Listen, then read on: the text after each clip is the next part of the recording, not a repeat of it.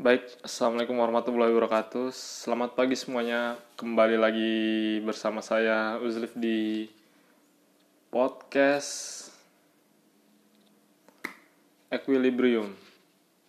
Eh, Kali ini aku bakal cerita soal Tentang aktivitas fisik Atau tentang olahraga Terserah.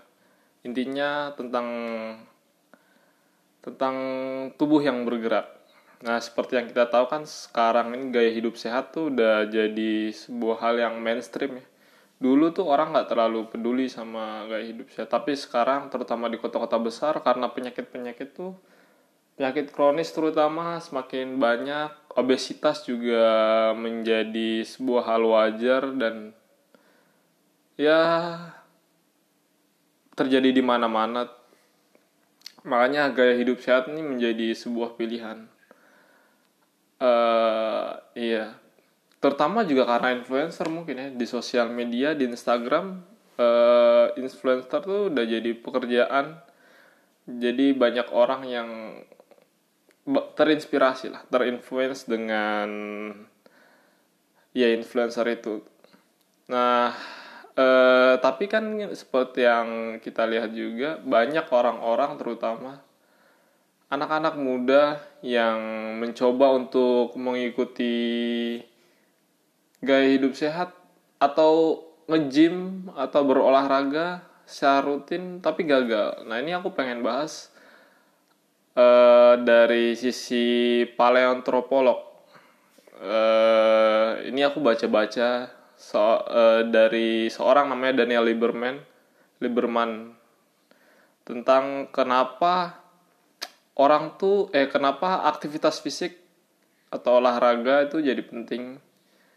Dan kenapa orang-orang tuh biasanya gagal dalam menjalankan aktivitas fisik tersebut? Atau orang-orang kenapa sering banget gagal untuk nge-gym atau untuk olahraga gitu? Kenapa? Eh, kita mulai dari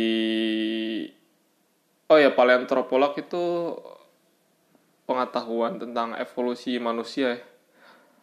Jadi ini ngebahas dari sisi itu. Dalam beberapa abad terakhir kita lihat bahwa banyak sekali aktivitas atau kebutuhan kebutu lebih tepatnya kebutuhan yang dipermudah kayak dulu tuh orang harus nyuci pasti menggunakan tangan kalau sekarang orang udah pakai mesin cuci. Terus transportasi misalnya dulu itu uh, alat transportasi itu sudah sangat mewah ya. Tapi sekarang semua orang pergi kalau nggak naik kendaraan ya naik angkutan umum kebanyakan jarang sekali orang jalan kaki. Nah, terus misalnya eh, makanan dulu makanan. Dulu orang kalau bikin makanan eh, prosesnya lama. Kalau bikin mie dia harus kecuali orang dulu yang punya privilege ya mungkin raja gitu. Tapi kebanyakan orang dulu tuh eh misalnya bikin teh dia harus memasak air dia harus mencampurkan daun-daun teh kering. Kalau sekarang kan sudah ada teh yang kemasan jadi jadi segala proses tuh jadi lebih gampang nah, gitu. Kalau ditarik jauh lagi eh, manusia purba itu harus jalan 8 sampai 12 km per hari. 28 sampai 12 km tiap hari. Jadi sangat jauh jika dibandingkan sama orang sekarang yang kebanyakan ya jalan. Aku kemarin baca di Twitter orang protes gara-gara harus ngambil duit di ATM satu kilometer jalan kaki itu udah berasa jauh banget satu kilometer loh dibandingkan eh, manusia zaman prasejarah yang harus 8 sampai 12 km per hari. Nah, tapi kan tubuh manusia itu kan walaupun aktivitasnya walaupun aktivitasnya berubah tubuhnya itu tetap tubuh yang sama tetap tubuh yang sama ribuan tahun yang lalu gitu. Jadi secara fisik nggak berubah tapi pekerjaannya berubah. Jadi eh, tubuh kita tuh belum bisa ber berevolusi menyesuaikan aktivitas fisik yang sekarang. Nah dampaknya apa? Dampaknya ya karena tubuhnya emang didesain untuk banyak melakukan aktivitas fisik dan tiba-tiba enggak itu banyak banyak banyak muncul penyakit jan penyakit jantung eh apa ya seperti itulah. E, banyak gejala-gejala penyakit yang bisa ditimbulkan karena karena menurunnya aktivitas fisik manusia beberapa abad terakhir ini gitu salah satunya penyakit jantung obesitas. Itu salah satu penyakit yang mungkin muncul karena kekurangan aktivitas fisik. Uh, terus tapi kita nggak bisa terus juga ini mengetahui fakta bahwa orang orang-orang di zaman dahulu sampai zaman purba prasejarah itu sangat sering melakukan aktivitas fisik terus kita serta merta menerapkan latihan. Misalnya kita langsung nge-gym gitu.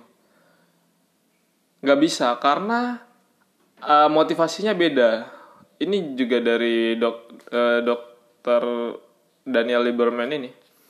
Dia bilang bahwa orang-orang zaman dulu melakukan aktif kalau dikasih pilihan nih dia dikasih pilihan untuk misalnya orang Jomon ya orang Jomon Jomon tuh orang Jepang asli yang berewokan dan berbulu.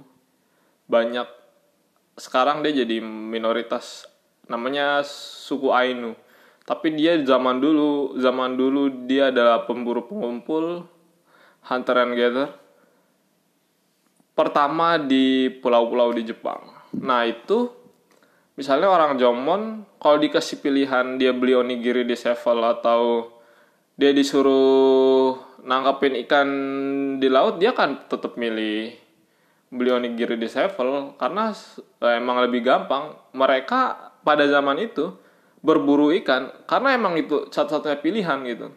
Jadi sangat wajar kalau orang-orang sekarang eh, tidak melakukan itu eh, kesusahan untuk melakukan aktivitas fisik karena motivasinya beda gitu. Ya motivasinya sekarang harus didorong keinginan kuat. Sementara dulu mereka mau nggak mau mau nggak mau harus bertani mau nggak mau harus berburu mau nggak ah, harus mengumpulkan makanan gitu.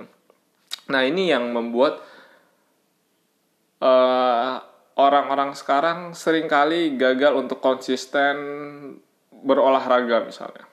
Nah terus solusinya gimana solusinya yang pertama adalah solusinya gimana untuk tetap melakukan aktivitas fisik tapi bisa konsisten. Nah ini juga menurut Pak Lieberman ini ya Lieberman yang pertama adalah membuat olahraga itu menjadi menyenangkan.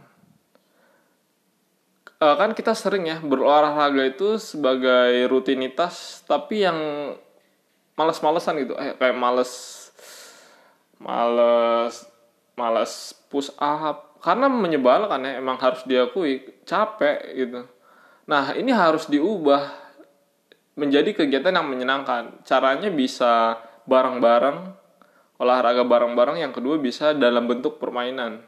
Kalau misalnya bareng-bareng ikut komunitas belly dance misalnya atau ikut yoga bareng yoga itu olahraga nggak bukan nggak tahu aku juga nggak tahu pokoknya ikut komunitas yang mendukung eh, mendukung agar kita berolahraga bersama-sama.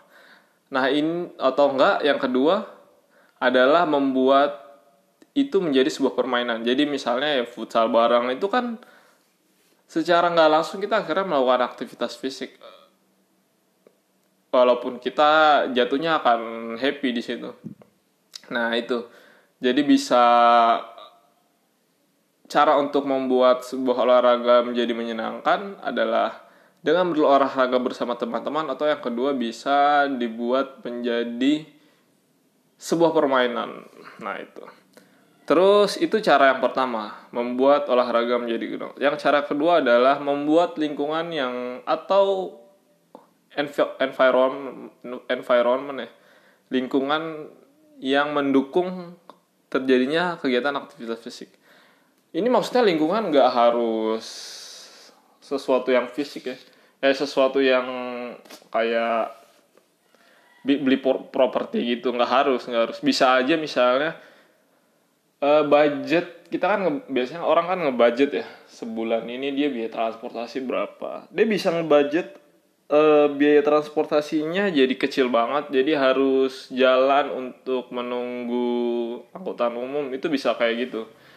Misal atau enggak ya kayak tadi beli beli properti yang mendukung. Misalnya sekarang kan udah ada tuh eh, standing table. Standing table kan mau nggak mau kita yang eh, kita yang duduk jadi harus berdiri gitu.